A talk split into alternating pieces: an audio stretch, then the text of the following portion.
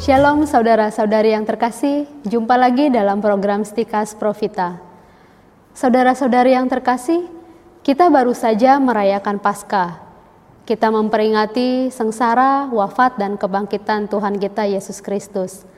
Dan saat ini kita pun masih berada di masa Paskah yang akan kita jalani sampai hari Pentakosta nanti, yaitu 50 hari setelah kebangkitan Yesus. Yesus sudah bangkit, Hal ini jelas, seperti yang tertulis di dalam keempat Injil.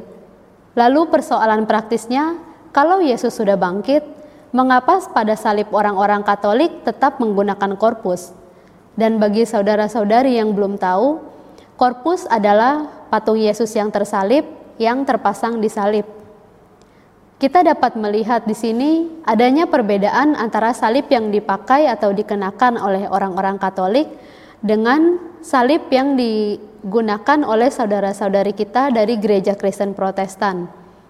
Pada salib orang-orang Katolik, di mana pun salib itu dipasang, baik di gereja, di rumah, di kantor, ataupun salib yang dipakai oleh seseorang sebagai aksesoris, sebagian besar pasti menggunakan korpus, kecuali misalnya salib yang digunakan di kuburan atau salib besar yang sulit dipasang korpusnya. Tidak demikian dengan salib dari gereja lain yang tidak ada korpusnya sama sekali, hanya kayu palang polos tanpa korpus. Dan karena hal ini, maka orang-orang Katolik sering kali diserbu dengan pernyataan seperti berikut. Yesus kan sudah bangkit. Mestinya salib-salib yang dipakai tidak perlu ada korpusnya lagi. Kalau masih ada korpus, berarti orang-orang Katolik tidak yakin bahwa Yesus itu sudah bangkit dan Yesus itu disalibkan terus. Lalu kita sebagai orang Katolik, bagaimana harus menanggapi pernyataan ini? Pertama-tama, kita dapat mengatakan bahwa adanya korpus yang terpasang pada salib sama sekali tidak mengurangi iman orang-orang Katolik akan kebangkitan Yesus. Yesus bangkit dari kubur dan sudah menang atas kematian. Iman ini sama sekali tidak dikurangi. Dan hal ini bukanlah tanda bahwa orang-orang Katolik tidak percaya akan kebangkitan. Kita harus melihat secara keseluruhan misi dari penyelamatan Yesus. Dia membawa keselamatan bukan hanya melalui kebangkitannya atau hanya melalui penyalipannya saja, tetapi melalui kedua-duanya.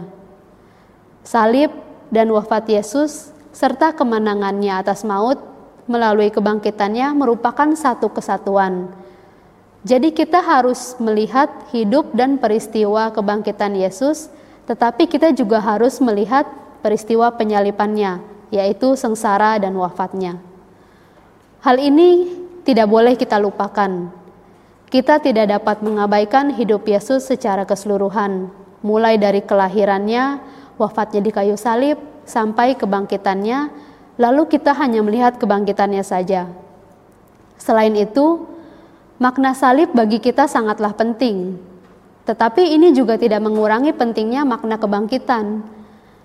Bagi kita, salib itu menjadi penting karena akan mengingatkan kita bahwa Tuhan yang kita ikuti adalah Tuhan yang menderita, yang tergantung di salib. Dengan melihat Yesus yang tergantung di salib, maka kita akan selalu diingatkan akan nilai hidup kita. Harga hidup dan keselamatan kita adalah Yesus yang tergantung pada kayu salib. Tuhan yang kita ikuti bukanlah Tuhan yang membawa pedang, yang menunggang kuda dengan gagah dan berotot dan menaklukkan musuh-musuhnya dengan kekerasan.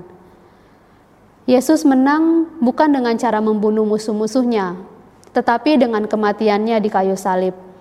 Yesus tidak pernah membunuh.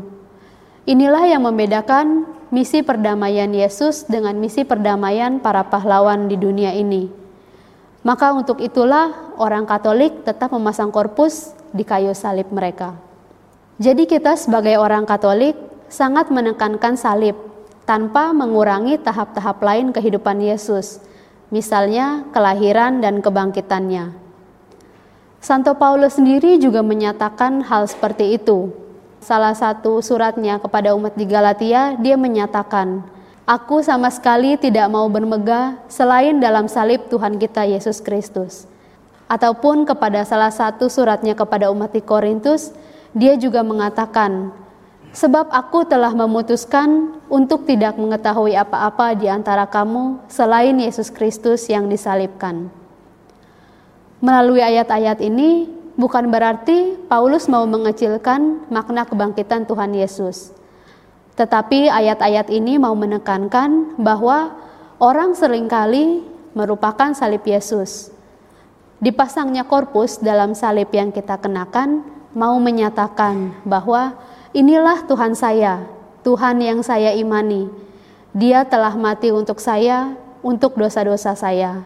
Dan lihatlah, dia tergantung di kayu salib. Di sana dan dia mati untuk saya dengan cara demikian. Maka salib yang dilengkapi dengan korpus akan mengingatkan kita semua akan dua peristiwa penting dalam hidup Yesus yang merupakan satu kesatuan, yaitu salib dan kebangkitannya. Yesus tidak bangkit kalau tidak ada penyalipan. Ini adalah benar-benar salib Yesus, bukan salib orang yang disalibkan bersama Yesus di Golgota. Semoga kita semakin memahami makna salib dan akan nilai penebusan Yesus Kristus di salib dan untuk alasan itulah, maka salib kita dipasang korpus. Semoga saudara semakin mencintai dan mengenal kebenaran, sehingga akhirnya diselamatkan. Salam Profita.